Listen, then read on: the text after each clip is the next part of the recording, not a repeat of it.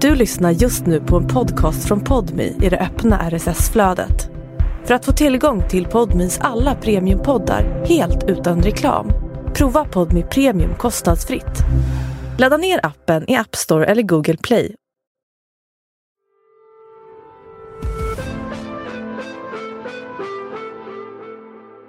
Hösten 2018 blir industrimannen Karl Hedin och fyra personer i hans närhet gripna och häktade misstänkta för grova jaktbrott i Västmanlands skogar. På sätt och vis är man nog rädd. va?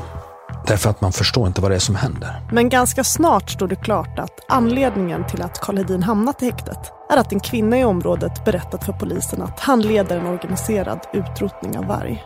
Och som ett led i det har han lämnat över gift till henne och hennes man. Det är samma absurda grej det. Åka hem till någon som man inte känner. Men här har ni en påse gift. Karl Hedin har bara träffat den här kvinnan ett fåtal gånger. Så när de frågar mig, då känner du dem? Ja, jag vet vem det är ungefär. Och han tror att hennes motiv till att ange honom för de här brotten är något helt annat än att hon värnar om vargen. Det är mycket märkligt som har hänt. Jag är alldeles övertygad om att hon har beställt mord på honom. Jag vet inte riktigt varför egentligen. Men att hon vart utpressad är jag alldeles övertygad om. Och att det verkar vara anledningen till att hon startade alltihop. Du lyssnar på Podmi dokumentär om miljardären och varghärvan. En serie i tre delar om när den framstående industrimannen Karl Hedin pekades ut som ledare för ett hemligt nätverk med målet att utrota vargen i Sverige. Podden görs exklusivt för Podmi och jag heter Klara Wallin. Det här är sista delen. Hejsan! Jag heter Klara Wallin och jag håller på att producera... När jag ringer och frågar huvudvittnet som vi kallar Pernilla om hon vill medverka i den här dokumentären så berättar hon att rättsprocessen och allt runt omkring varit väldigt jobbig för henne och hennes familj. Därför vill hon inte ställa upp på en intervju men hon säger att hon litar på sin advokat, Thomas Jönsson och att hon gärna låter honom föra hennes talan. Jag heter Thomas Jönsson, jag är advokat, bor i Eskilstuna men kommer från Jämtland. Det är strax före jul 2018 när advokat Thomas Jönsson blir kontaktad av Pernilla. När jag träffade henne så var det ju en ångerfull och skamsen människa men ändå fast besluten om att försöka göra rätt då försöka ställa saker och ting till rätta. Pernilla vill ha Thomas hjälp eftersom hon har ett problem som behöver lösas. Och det problemet bestod ju då i att hon hade försatt en situation som var ohållbar helt enkelt för henne. Och hon ville komma ur den situationen. Och den situation som för hennes del var ohållbar det var ju att hon hade då anklagat egentligen sin make i första hand men det hade kommit och svälla ut till att det blev även andra som blev drabbade av det här och hon såg ingen egen utväg ur den här situationen. Hur mådde hon när hon kontaktade dig? Då hade ju allting så att säga briserat. Alla var ju medvetna om att det var hon som var så att säga läckan i den här historien. Och eh, jag uppfattade henne då som väldigt klar och redig och eh, insiktsfull över vad hon hade ställt till med helt enkelt. Efter tillslaget den 26 oktober 2018 blir det snart känt i Norberg vem det är som har kommit med de grova anklagelserna om utbredd vargjakt till polisen. Och Karl Hedin skriver om Pernilla i Facebookgruppen Vi som stödjer Karl Hedin i december samma år. Miljöåklagaren Lars Magnusson har den 9 april 2018 fått tips av, som han uttrycker det, en trovärdig källa. Den källan är nu känd en av dem som Pernilla pekat ut är alltså hennes egen man, Jakob. I samband med att Jakob släpps från häktet flyttar Pernilla till ett skyddat boende. Men ganska snart väljer hon att flytta hem igen. Jag tänker mig att det var en lite besvärlig eh, familjesituation där, där då min klient anklagar sin make för grova brott och som har fått ödesdigra konsekvenser, bland annat att han fick då sitta frihetsberövad under en viss tid. Men eh, så vitt jag förstår så arbetar de väl fram någon slags överenskommelse om hur de skulle försöka lösa det där. I ett brev till miljöåklagare Lars Magnusson skriver Thomas Jönsson att hans klients psykiska mående är dåligt. Att hon inte längre vill delta i utredningen och att hon inte kommer vittna mot sin make. Och då är det ju naturligtvis intressant för oss att få veta varför vill hon inte längre medverka i utredningen. Lars Magnusson, som tar emot brevet från advokat Jönsson, har svårt att tro att Pernilla ljugit i förhören. Har våra farhågor besannats? att hon varit utsatt för otillåten påverkan. Så polisen försöker kontakta Pernilla för att få klarhet i varför hon inte längre vill delta i utredningen. Det togs kontakter med henne, som jag förstår det, i syfte att försöka att få henne att gå tillbaka till henne och att kolla så att om hon var hotad på något sätt av sin make eller på något annat sätt satt på, utsatt för påtryckningar så hon skulle ta tillbaka här uppgifterna. Pratade de med dig då eller gick Nej. de direkt till henne? Nej, de pratade med henne. Pernilla beskriver i en bilaga till advokat Jönssons brev att hon känt sig ensam, utlämnad, pressad och utsatt i sin kontakt med polisen. Jag blev ju ganska förvånad när den här inlagan kom. Kriminalinspektör Anna är den polis som haft den främsta kontakten med Pernilla under polisutredningens gång. Och hon berättar i tingsrätten hur hon reagerade på brevet. För jag har inte upplevt henne som ja, stressad eller pressad vid något, alltså vid det här första förhöret den 15 eh, juni. Anna får medhåll av åklagare Lars Magnusson. Den som läser förhöret får ju fullständigt klart för sig att hon var väl medveten om att det var poliser hon hade och det var på hennes initiativ som förhöret hölls. Och hon var informerad om vad det här skulle kunna innebära för henne. Inte nog med att Pernilla vill ta tillbaka sitt vittnesmål. Hon blir kort därpå själv anklagad för allvarlig brottslighet. Sen så kommer det in en anmälan den 25 eh, januari där hennes man anklagar henne för förberedelse till mord. 2016 blev Jakob överfallen och misshandlad i sin trädgård. Och det är den här incidenten som Pernilla misstänks ligga bakom och polisanmäls för. Överfallet kommer senare kopplas samman med ett meddelande till Pernilla på Facebook. Om man läser skärmdumpen där så var det ju ganska klart att det skulle betalas pengar för att någon skulle skadas. Så det, det, var ju inte någon tvekan om det. Advokat Thomas Martinsson representerade Jakob under rättegången. Sen så indikerar väl den här skärmdumpen också att den personen satt med information och hade varit initialt inkopplad för att verkställa den här brottsligheten. Och det hade inte blivit som det blivit, men eftersom han visste saker så tyckte han att han kunde kräva ersättning. Någon form av utpressning helt enkelt. Pernilla verkar alltså ha anlitat en person för att döda Jakob och sen pressats på pengar för att inte bli avslöjad. Och kriminalinspektör Anna berättar för Pernilla om polisanmälan i samband med att de pratar i telefon med varandra den 29 januari. Jag ser ju det som i, i ett led att eh, få henne att ta bort sina uppgifter ur utredningen. Under samtalets gång ställer Pernilla även en fråga till Anna. Vad betyder det för utredningen om jag är vittne? Och sen så berättar hon olika saker som har hänt. Eh, att det är hennes man som har fått till den här inlagan och även skaffat hennes eh, advokat Thomas Jönsson. Att det är så den här inlagan har kommit till. Pernilla säger till Anna att hon är rädd och att hon inte vet vad hon ska göra. Hon klarar inte av att gå till affären då hon är rädd för vad folk på orten tycker om henne och för vad som kan hända. Hon sa då också att eh, hennes man har försökt påverka henne att ta tillbaks den ansökan om äktenskapsskillnad som hon hade skickat in till tingsrätten under den tiden hennes man satt häktad.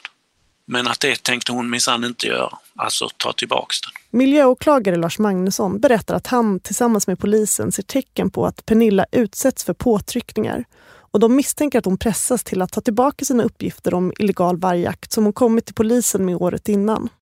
Under våren 2019 skickar hon och Jakob in handlingar gällande gåvobrev och äktenskapsförord.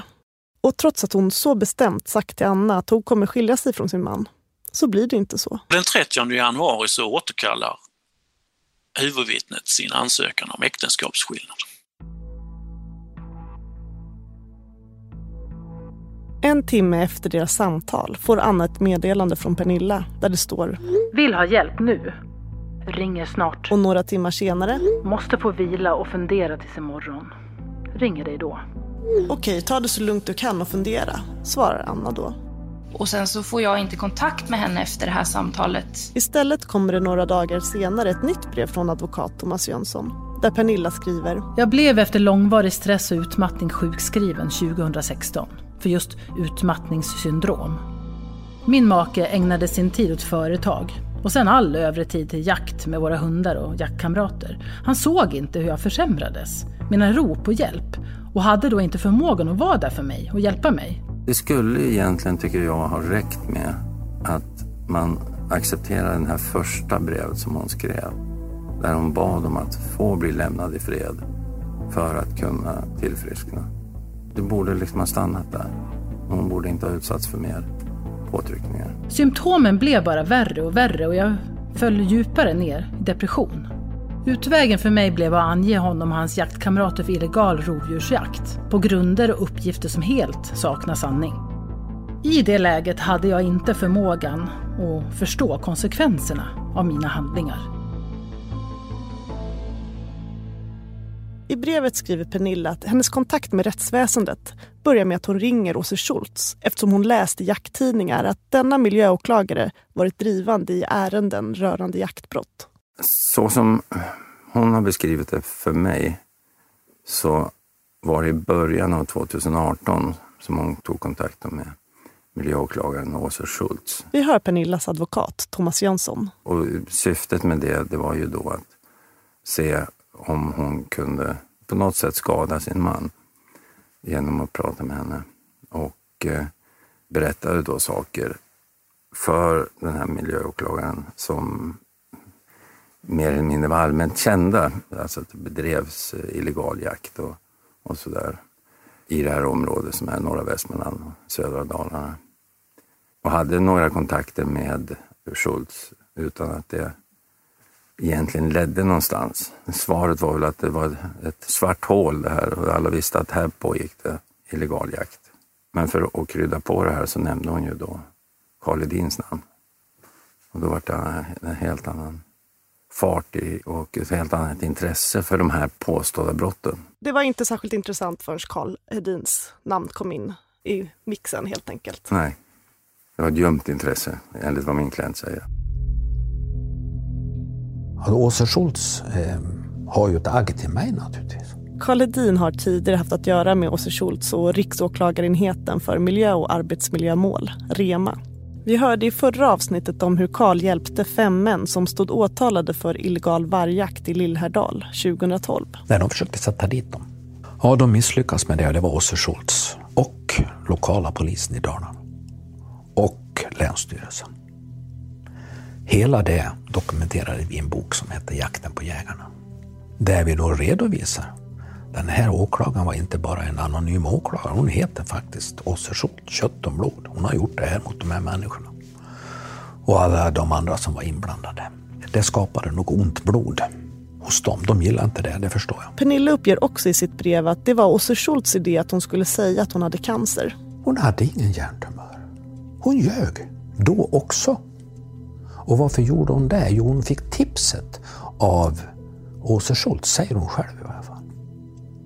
Så att hon kunde skylla på det när hon skulle åka till polisen och få nya instruktioner och lämna ny information. Hon blev ju deras informatör. Hon skulle åka där nu och nu skulle det samlas ihop så att eh, Åse Schultz och, och det där gänget fick hämnd på mig.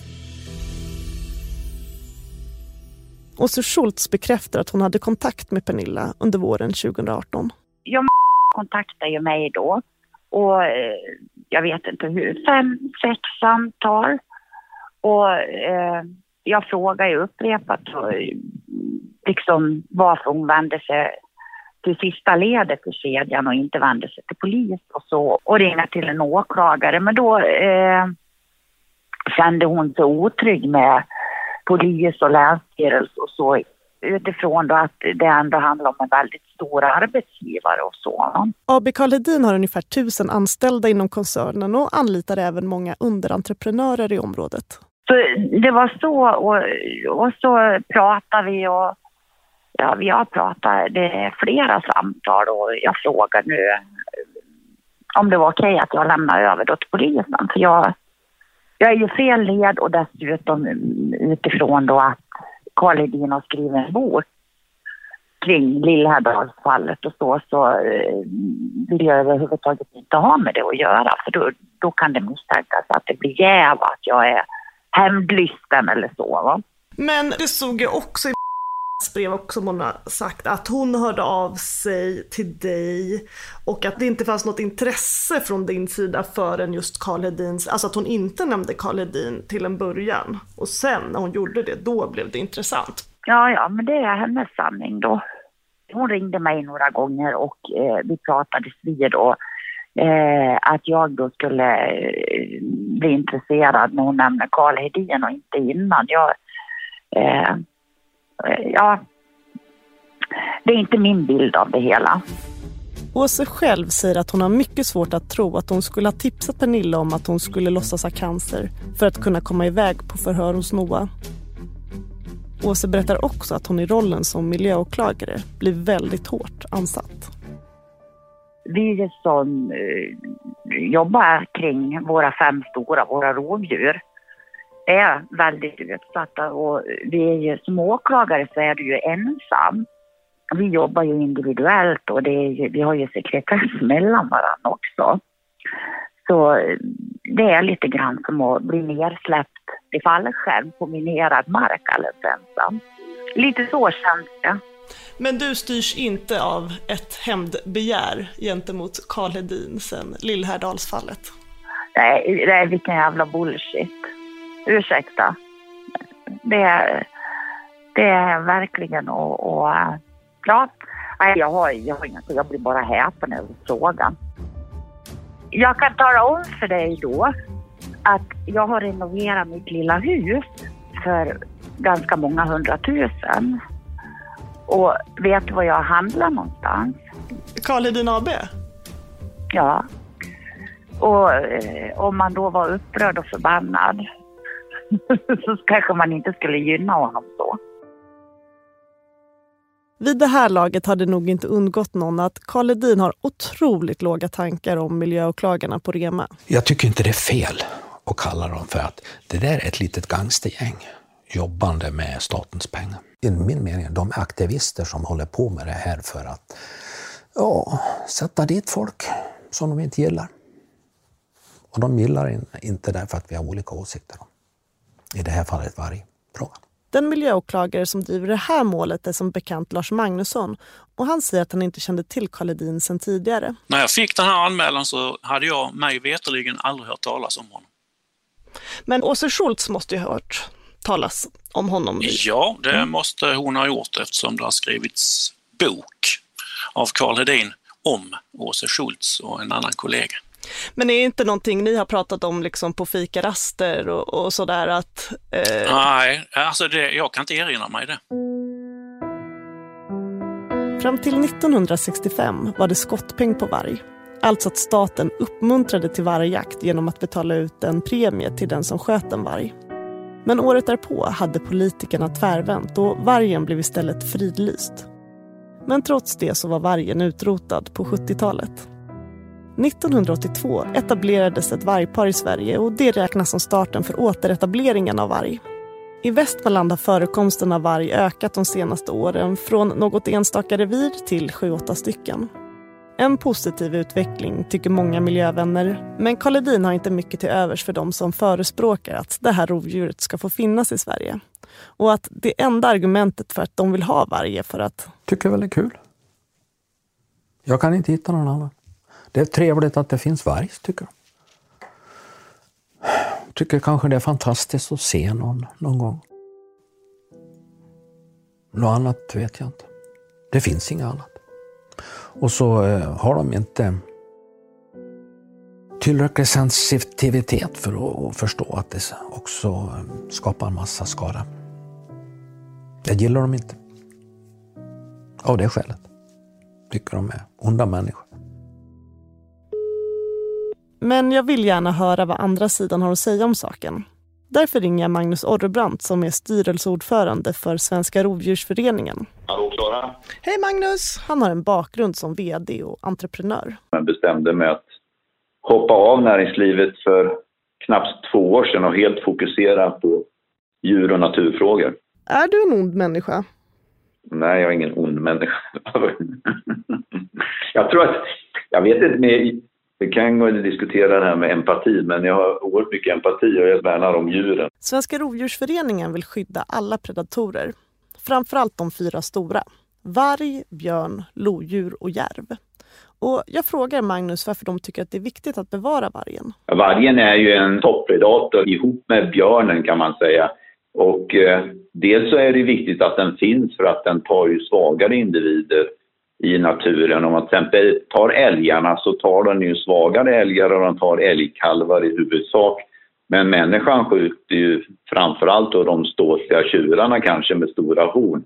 Och det gör ju att över tid, och då kanske vi inte pratar 10, 20, 30 år, men om vi pratar hundratals år så kommer ju älgstammen att successivt att försvagas och bli svagare och svagare. Och det har man ju redan sett på älgarna. Att när de en gång kom i tiden så var det ju stora älgar och nu är de ju mindre. Så att det här kan ju gå ganska snabbt. Och där har ju toppredatorerna och vargen en oerhört viktig roll. Sen har den också en viktig roll i att skapa vad man kallar landscape of fear. Och då behövs naturligtvis en relativt stor population men det som händer är ju att deras bytesdjur då blir rädda. Till exempel hjortdjuren går inte ut på fälten och betar, den ger sig inte ut på hyggena och betar, den springer inte ut på vägarna utan den håller sig i skogen och gömmer sig för vargen. Så det har ju visat sig i ja, nyliga studier, till exempel från USA, där trafikolyckorna har minskat markant i områden där det finns varg. Och det är inte bara för att den tar och äter upp hjortdjuren utan hjortdjuren håller sig borta från vägarna av rädsla. Och den intäkten är mycket större då än kanske predationen på fåren och kostnaden för fårnäringen. Och det här pratas inte om i Sverige. Idag finns det enligt Länsstyrelsen ungefär 400 vargar i Sverige. Och det är en väldigt inavlad skara eftersom de alla härstammar från några få individer. I genomsnitt är de mer genetiskt lika varandra än helsyskon. Och för att komma till bukt med inaveln tycker Magnus att det måste bli fler vargar i Sverige. För att liksom de ska kunna genetiskt fortplanta sig på ett bra sätt. Men har du förståelse för att om man har levt invid en skog där det aldrig funnits varg och nu senaste tio åren har det börjat etablera sig varg, att man tycker att det är obehagligt? Ja, det har jag definitivt liksom förståelse för att folk kan tycka det är obehagligt med varg likväl man kan tycka det är obehagligt om många andra saker. Och det är tyvärr som gör att folk tycker det är obehagligt och folk blir rädda. Det är ju mycket debatten idag och media som blåser upp så fort det är en fårattack, så fort det är någonting så blåser media upp det här med stora rubriker i tidningarna. Liksom det, det är spännande journalistik och det är klart att då blir man ju rädd om man får läsa hela tiden att den här vargen är jättefarlig, den har tagit sju stycken får och den kom nära ett dagis. Då blir ju folk rädda över tiden och så här har det ju varit i Sverige i många år. Det är, det är ingen nyhet liksom att svenskar är räddare för varg än i andra länder. Till exempel. Ta till exempel Säger Rumänien eller Tyskland eller så, så är det inte alls samma rädsla för vargen som det är i Sverige. Så det här är ju något kulturellt som går lång tid tillbaka. Och som alla rädslor, det är ju liksom att vara i miljön och inse att det är inte så farligt som jag trodde. Jag kanske är rädd för spindlar, men det är ju beteendeterapi, liksom att man, man utsätter sig för det man är rädd för och över tid så blir man mindre och mindre rädd. Liksom. Och därför är vi emot till exempel att man skjuter en varg så fort den kommer i närheten av ett samhälle så ska den skjutas. Då ges ju inte möjligheten för folk att inse att nej, det här kanske inte var så farligt som tidningarna skriver eller vissa politiker säger. Så du kategoriserar inte dig själv som en ond människa, kanske helt motsatt eller? Helt motsatt ja. Jag skulle inte Jag vet inte vad du vill komma med ond människa, men jag är absolut ingen ond människa. Den främsta anledningen till att Karl är emot varg är för att den enligt honom förstör jakten. Dels konkurrerar den om viltet. Vargen är ju en predator som eh, då påverkar älgstammen väldigt mycket. Vad forskarna säger så äter ju ett vargpar, dödar ungefär 120 älgar per år. Men framförallt menar han att vargen skapar oro under jakten eftersom den kan döda jakthundar. Det är ju ett ögonblicksverk för att den ska bli dödad av varg, om den, om den råkar hitta på dem. Men så mycket jakt blir det inte för Karl Hedin under 2019 eftersom hans vapen blivit beslagtagna vid polisens husrannsakan hos honom. Vilket för Karl innebär? Ja, att jag inte kan ha vapen med mig ut och jag sysslar med det som jag tycker är en av de viktigaste delarna i mitt liv. Livselixir. En del människor tycker att eh, golf är det viktigaste här i världen eller det roligaste kan vi säga. En del tycker att det är Spela musik är det viktigaste. En del tycker att eh, spela hockey är det viktigaste här i livet. Och då inriktar man sig på det och man blir duktig på det och man får sina kamrater inom det fältet och så vidare. Och så helt plötsligt så kommer någon och bara ta på dig det. 7 maj 2019 kommer ytterligare ett brev från Pernilla och den här gången ondgör hon sig över det svenska rättsväsendet. Jag har tidigare försökt få åklagare Lars Magnusson att förstå att allt gentemot de misstänkta är osanning, utan att lyckas. Millions of people have lost weight with personalized plans from Noom. Like Evan, who can't stand salads and still lost 50 pounds.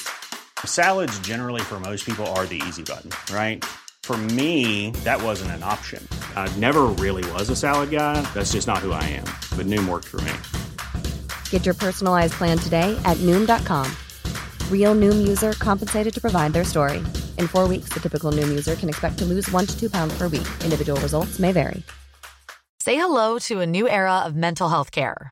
Cerebral is here to help you achieve your mental wellness goals with professional therapy and medication management support. 100% online. You'll experience the all new Cerebral Way, an innovative approach to mental wellness designed around you. You'll get a personalized treatment plan from a therapist, prescriber, or both in a safe and judgment free space. Your cerebral therapist or prescriber will outline a customized plan with clear milestones along the way so you can get to feeling your best. With Cerebral, you're not alone in your mental health journey.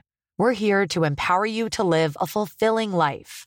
So take that first step towards a brighter future and sign up today at cerebral.com slash podcast and use code ACasts to get 15% off your first month. Offer only valid on monthly plans. Other exclusions may apply. Offer ends July 31st, 2024. See site for details. Jag har så totalt blottat mig själv med mina skrivelser och gjort vad jag kan för att rentvå de misstänkta. Och jag kommer aldrig ge mig. Målet i Lars Magnussons värld är att till vilket pris som helst få dit min man, Karl Hedin och de andra misstänkta. Man vill få mig att säga att jag är hotad eller pressad av min man eller de andra misstänkta och därför tagit tillbaka allt som jag sagt och gjort. Man ser inte en människa som inte mått bra och som sakta vaknar till liv igen och försöker göra rätt. Utan jag ses nog som ett verktyg. Ett verktyg för att bland annat få stopp på Karl Hedin och andra medborgare i deras motstånd mot myndigheternas experiment med det vilda och med deras våldtäkt på landsbygden. Enligt Pernillas advokat, Thomas Jönsson, så har hon aldrig känt sig hotad av sin man eller någon annan i Norberg. Utan att det är polisen som förstorat upp hotbilden mot henne. Så som jag fattade på henne så var hon inte rädd. Hon var inte rädd för någon. Förutom att hon var skamsen.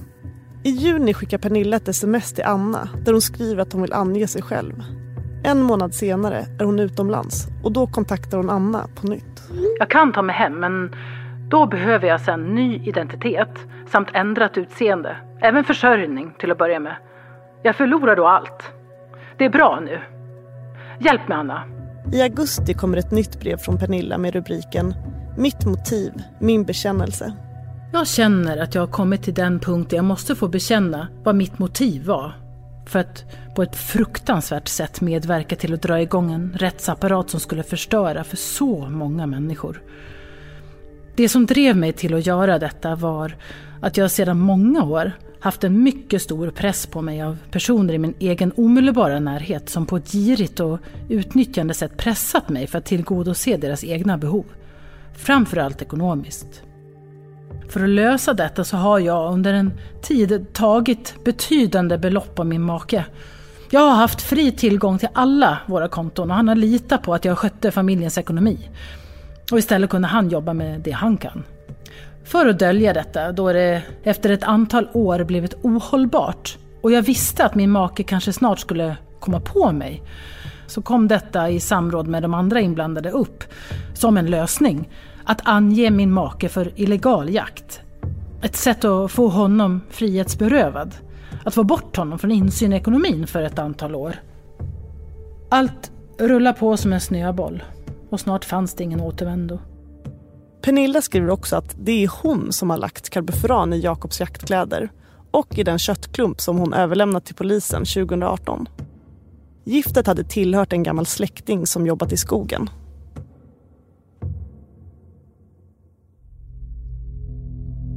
Först eh, kom det ju brev eller någon slags påtryckningar mot min klient om, om det verkligen var sant att hon inte skulle vara med. Och, ungefär som att hon skulle få vara tvungen att förklara sig om varför hon hade helt plötsligt ändrat uppfattning. Och då räckte det inte med att hon berättade då att ja, men det hon hade sagt tidigare, det var inte sant.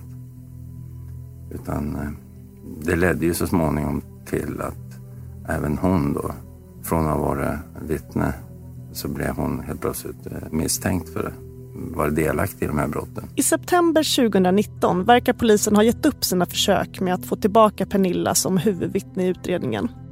Och beskedet om att hans klient gått från vittne till misstänkt gör advokat Thomas Jönsson väldigt förvånad. Jag trodde nästan inte att det var sant. Enligt åklagare Lars Magnusson blir Pernilla misstänkt efter vad som kommit fram i förhör med Jakob. Hennes man berättar ju om att hon har en betydligt större del i den här gifthanteringen än vad hon själv hade velat medge vid det här första förhöret. Det vill säga att hon har vägt upp och placerat giftet i plastpåsar själv.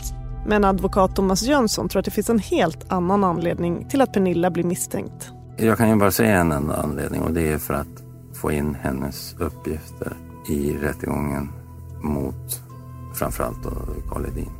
Eftersom makar inte behöver vittna mot varandra skulle Pernilla alltså inte kunna tvingas att medverka i rättegången. Men genom att åtala även henne har åklagarsidan en möjlighet att presentera hennes tidigare vittnesuppgifter i rätten. Och Thomas Jönsson tror att det här händer eftersom han verkligen vill sätta dit Karl Hedin. Min bedömning är att de andra är ju biskådespelare i den här pjäsen. 2019 blir det alltså inga älgar skjutna för Karl Hedins del och även 2020 pågår polisutredningen mot honom, vilket innebär att hans vapen är fortsatt tagna i beslag. Det har ju inte så att säga presterats någon utredning. Jag menar, den här liksom tidsutdräkten är ju fullständigt obegriplig och orimlig egentligen att det ska behöva ta sån tid. Karls advokat Sven Severin tycker att polisutredningen går alldeles för långsamt. Alltså det material och de förhör som man hade genomfört efter ett halvår. Sen hade ju inte kommit någonting nytt utan det, har bara legat hos NOA, den här artskyddsgruppen och hos den här REMA-åklagaren. Ja, vad är det egentligen som tar så lång tid? Jag skickar över den frågan till miljöåklagare, tillika förundersökningsledare Lars Magnusson. Om du med din fråga menar varför det dröjde med åtal så är det för att vi faktiskt avvaktade analyser från eh, NFC och de partners som de har. I det här fallet var det ju Naturhistoriska riksmuseet. Efter den långa väntan meddelar till slut Lars Magnusson i oktober 2020 att Karl Hedin, skogsvaktare Robert, Pernilla, Jakob samt AB Karl Hedin åtalas. Därför att jag ansåg att de uppgifterna som huvudvittnet hade lämnat, framför allt i det förhöret som hölls den 15 juni 2018, tillsammans med fyndet hos dem och tillsammans med hennes mans uppgifter om hur giftet hade kommit i makarnas besittning, att det gjorde att man kunde sluta sig till att allihopa, inklusive Karl Hedin, hade med den här gifthanteringen att skaffa. Och jag anser också att det är tillräckligt att tillsammans med de avlyssnade samtal som togs upp den 26 oktober 2018, att det stod klart att eh, man hade varit i skogen i uppsåt att eh, jaga varg.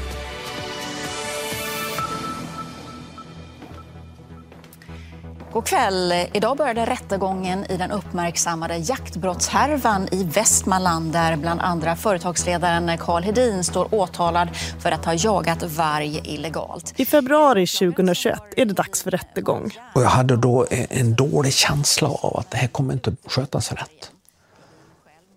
Dels därför att Eh, vi ställde frågan.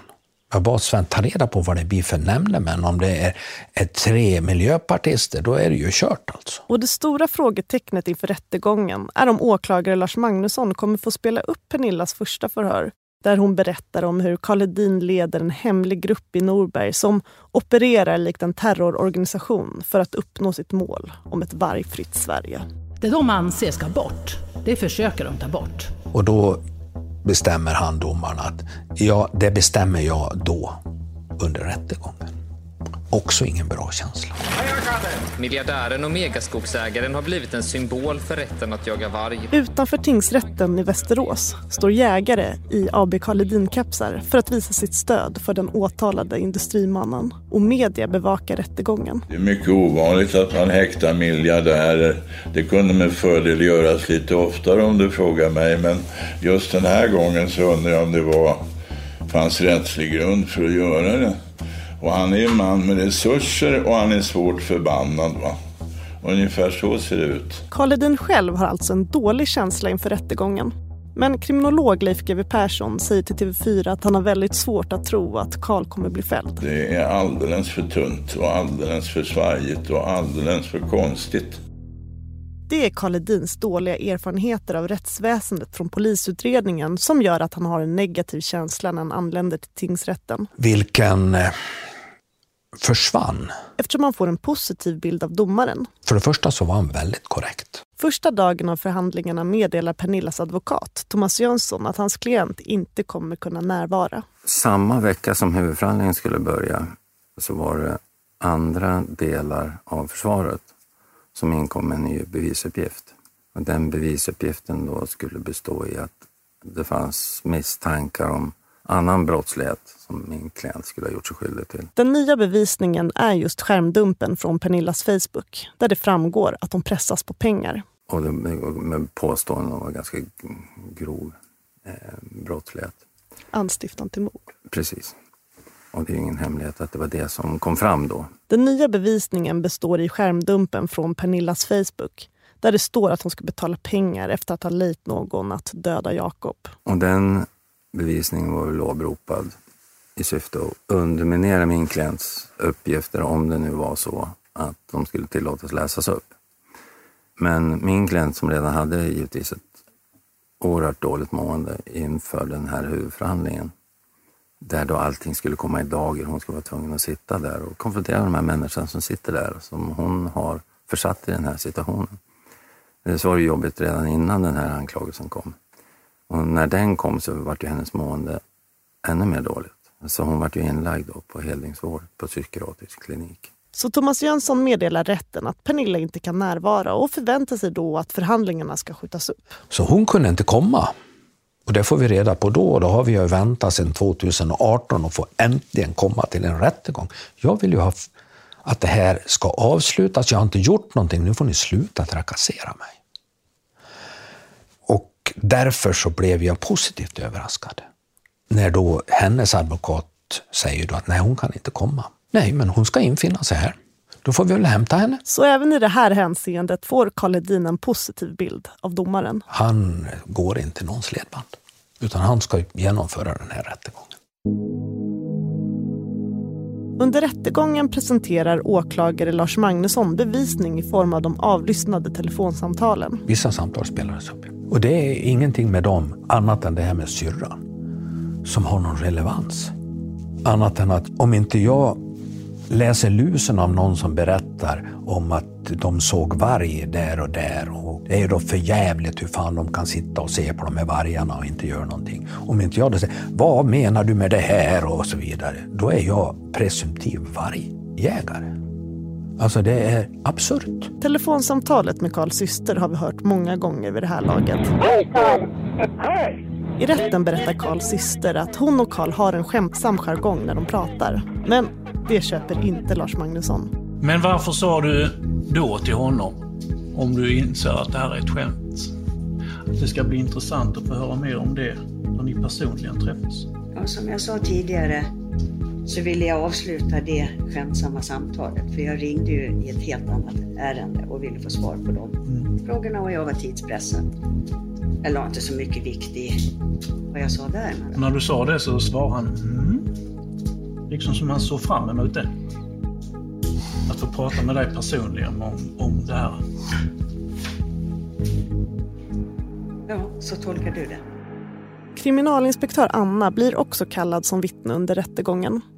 Hon svarar på miljöåklagare Lars Magnussons frågor om hur polisutredningen fortlöpt, sin kommunikation med Pernilla och hon säger att hon inte har upplevt huvudvittnet som pressad till att lämna uppgifter till henne.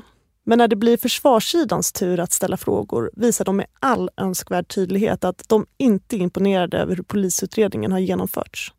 Jakobs advokat, Thomas Martinsson, ställer Anna ja, mot väggen. Har du varit med vid något av de här tillfällena vid husrannsakningarna? Nej. Nej. Men du hade givit direktiv måhända hur husrannsakningarna skulle gå till och vad man skulle... Inte jag, utan någon Vem då? Vem var det som hade givit direktiv? Det som Thomas Martinsson far efter är hur polisen hanterade de jaktbyxor och våg som Pernilla velat lämna över efter att hon kommit tillbaka från sin Europaresa. Det var alltså föremål som hon tyckte att polisen missat i husrannsakan hemma hos henne. Och då eh, skulle hon väl avleverera det här för hon tyckte väl det var lämpligt eh, i det läget av, av skeendet som det då var. Men då förstod väl polisen, utgår jag ifrån, att så mycket så att säga hade man väl i beredskap när det gällde så att säga polisiära utredningar. Att det var ju inte så jävla eh, bra, eller förlåt kraftuttrycket, det var ju inte så väldigt bra att eh, ett av deras stjärnvittnen då, eller den huvudsakliga primära muntliga bevisningen skulle komma med bevismaterialet. Så då bad man henne åka tillbaka med de, de här jackkläderna och hänga upp dem och sen så skulle de komma och göra husrannsakan, vilket också gjordes efteråt. Och då tog man de här kläderna i beslag och analyserade och i eh, någon av fickorna på de här jaktbyxorna så hittade man väl då vissa partiklar som var det här giftet som åklagaren påstod man hade använt sig av. Anna säger under rättegången att polisen inte la någon större vikt vid de föremål som Pernilla hade med sig. Men enligt Pernilla instruerades hon att ta tillbaka föremålen hem så att polisen kunde beslagta dem i en ny husrannsakan. Vilket också gjordes några dagar senare. Dessutom riktar Thomas Martinsson skarp kritik mot Anna eftersom hon berättat för Pernilla att hon blivit polisanmäld för anstiftan till mord på Jakob. Det skulle vara en fingerad anmälan då? Eller? Det säger jag ingenting om. Ja, men det är väl Nej, den, det är jag väl har den... inte tittat på den utredningen Nej, du har inte tittat heller. på den, men du ringer ju upp och informerar henne. Du upplever ja, att men hon har varit... Har... Du sa till med under slutpläderingen att den här utredningen är något av det sämsta jag sett, särskilt med tanke på de resurser som har använts. Ja, det står jag för. Dessutom råder det oenighet under rättegången om vad det egentligen är för gift som polisen har hittat i ziplockpåsar och jaktkläder hemma hos Pernilla och Jakob. Och som åklagare Lars Magnusson menar ursprungligen kommer från Karl Edin. De lila kristallerna har konstaterats innehålla karbofuran men polisens analys visar inte hur hög koncentrationen är. Försvaret menar att det antagligen handlar om ett insektsgift som bara innehåller 3% karbofuran. Det var en annan invändning så att säga från försvaret. Lars Magnusson lägger även fram texter i Karl Hedins dator som bevisning. Och så får jag ju ett intryck av att han hade ingenting att komma med. Och därför sitter han och läser upp ja, jag vet inte vad kan det vara, fyra, fem A4-sidor av någonting som de hittade i min dator som jag inte hade skrivit och vill påstå att det skulle vara en orsak till att jag hade tänkt döda en varg. Jag har inte dödat någon varg. Det var alldeles klart. Utan jag ska ha tänkt. Och då kommer du alltså in på, nu börjar man använda tankebrott. Och hur kan han tro att jag har tänkt? Jo, det är mina åsikter. Karl upplever Lars Magnusson som störd under rättegången. Men enligt åklagaren själv går det bra. Det flöt på bra. Du var nöjd med? Ja, jag var nöjd med det förutom att jag inte fick åberopa hennes förhör. Nej, så blir det alltså. Domaren går på försvarets linje och Lars Magnusson får inte använda det första förhöret med Pernilla som bevisning under rättegången. Och det är för att hon inte hade någon advokat närvarande då. Och Det här är något som förvånar åklagaren. Eftersom det är ju ett tydligt avsteg från den fria bevisprövningen. Trots att Pernilla är intagen på psykiatrisk klinik under tiden för rättegången blir hon tvungen att infinna sig. Hon och advokat Thomas Jönsson sitter i ett eget rum för att hon inte ska behöva konfronteras med de medåtalade eller pressen. Det var en förutsättning för att hon skulle kunna avbryta sin behandling utan att förvärra hennes hälsotillstånd allt för mycket. Och hon är väldigt kort mot åklagaren när han ställer sina frågor. Du har ju tagit kontakt med min kollega Åse Schultz. Kan du mm. berätta mm. om de kontakterna? Nej. Varför vill du inte det? Nej, därför det som var då, det stämmer inte.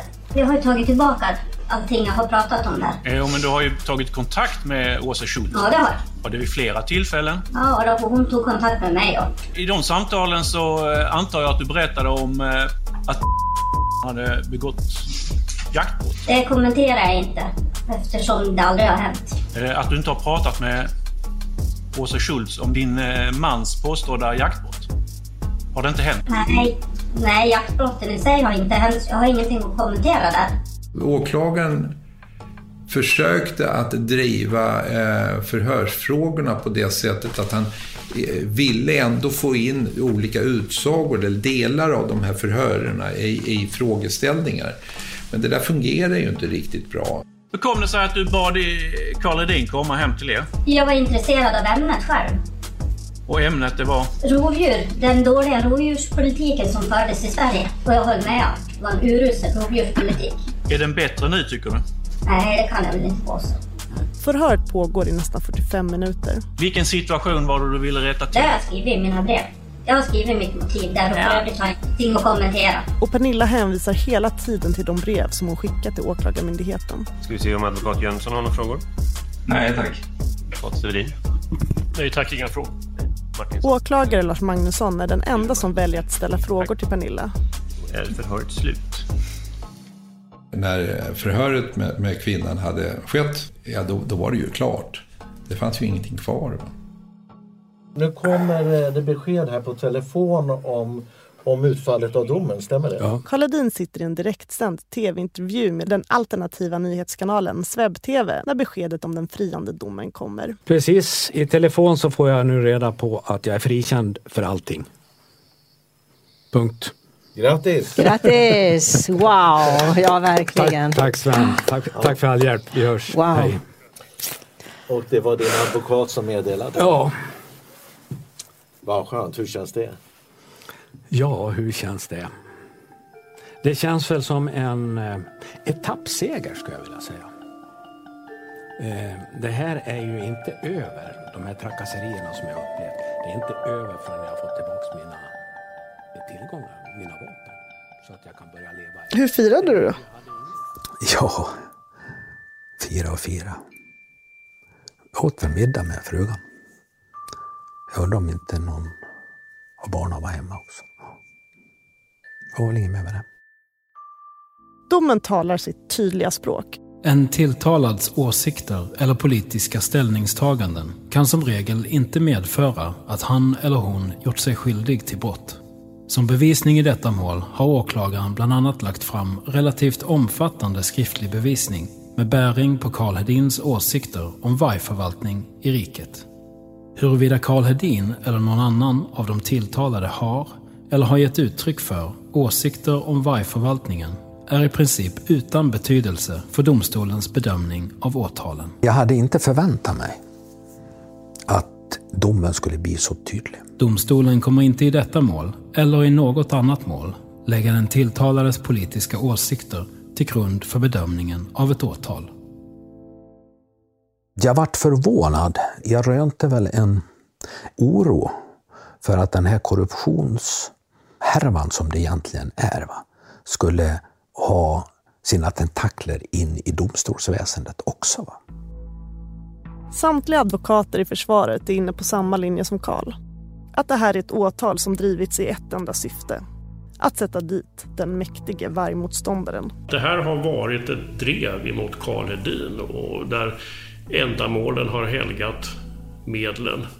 Och det har hjälpt mycket att eh, tysta en person som har varit starkt kritisk emot den förda vargpolitiken. Egentligen inte gärningarna utan hans åsikter som har legat till grund för att man hamnar i den där situationen helt enkelt. Och att eh, få honom på spelplan för den här typen av brottslighet, det är väl klart att det kittlar väl både en och annan tjänsteman. Vad är anledningen till allt det här? Jag vet inte, prestige. Jag vill inte säga vad jag tänker. Utan jag, jag förstår inte. Det finns inget rationellt skäl att agera på det här viset. Och det har väl gjort också, tror jag, att det här har liksom spårat ur. Trots den tydliga domen väljer Lars Magnusson att överklaga den del som handlar om Karls och Roberts påstådda vargjakt den 26 oktober. Så eftersom domen inte vunnit laga kraft har Karl Hedin ännu inte fått tillbaka sina vapen. Och det påverkar mitt liv då.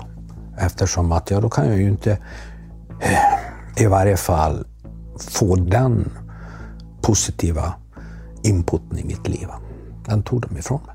Och de kan inte straffa mig med det vanliga rättsväsendet. Då använder man det där. Så du känner att även fast du blev frikänd nu i tingsrätten så har du fått ett straff ändå? Jag har ju inte haft något vapen på två och ett halvt år. Och tingsrätten säger det fanns ingen grund.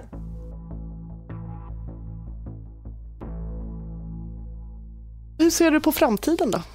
Hur ser man på framtiden strax innan döden kan man säga. Det är klart att man, man förstår att framtiden är inte så lång när man är 70.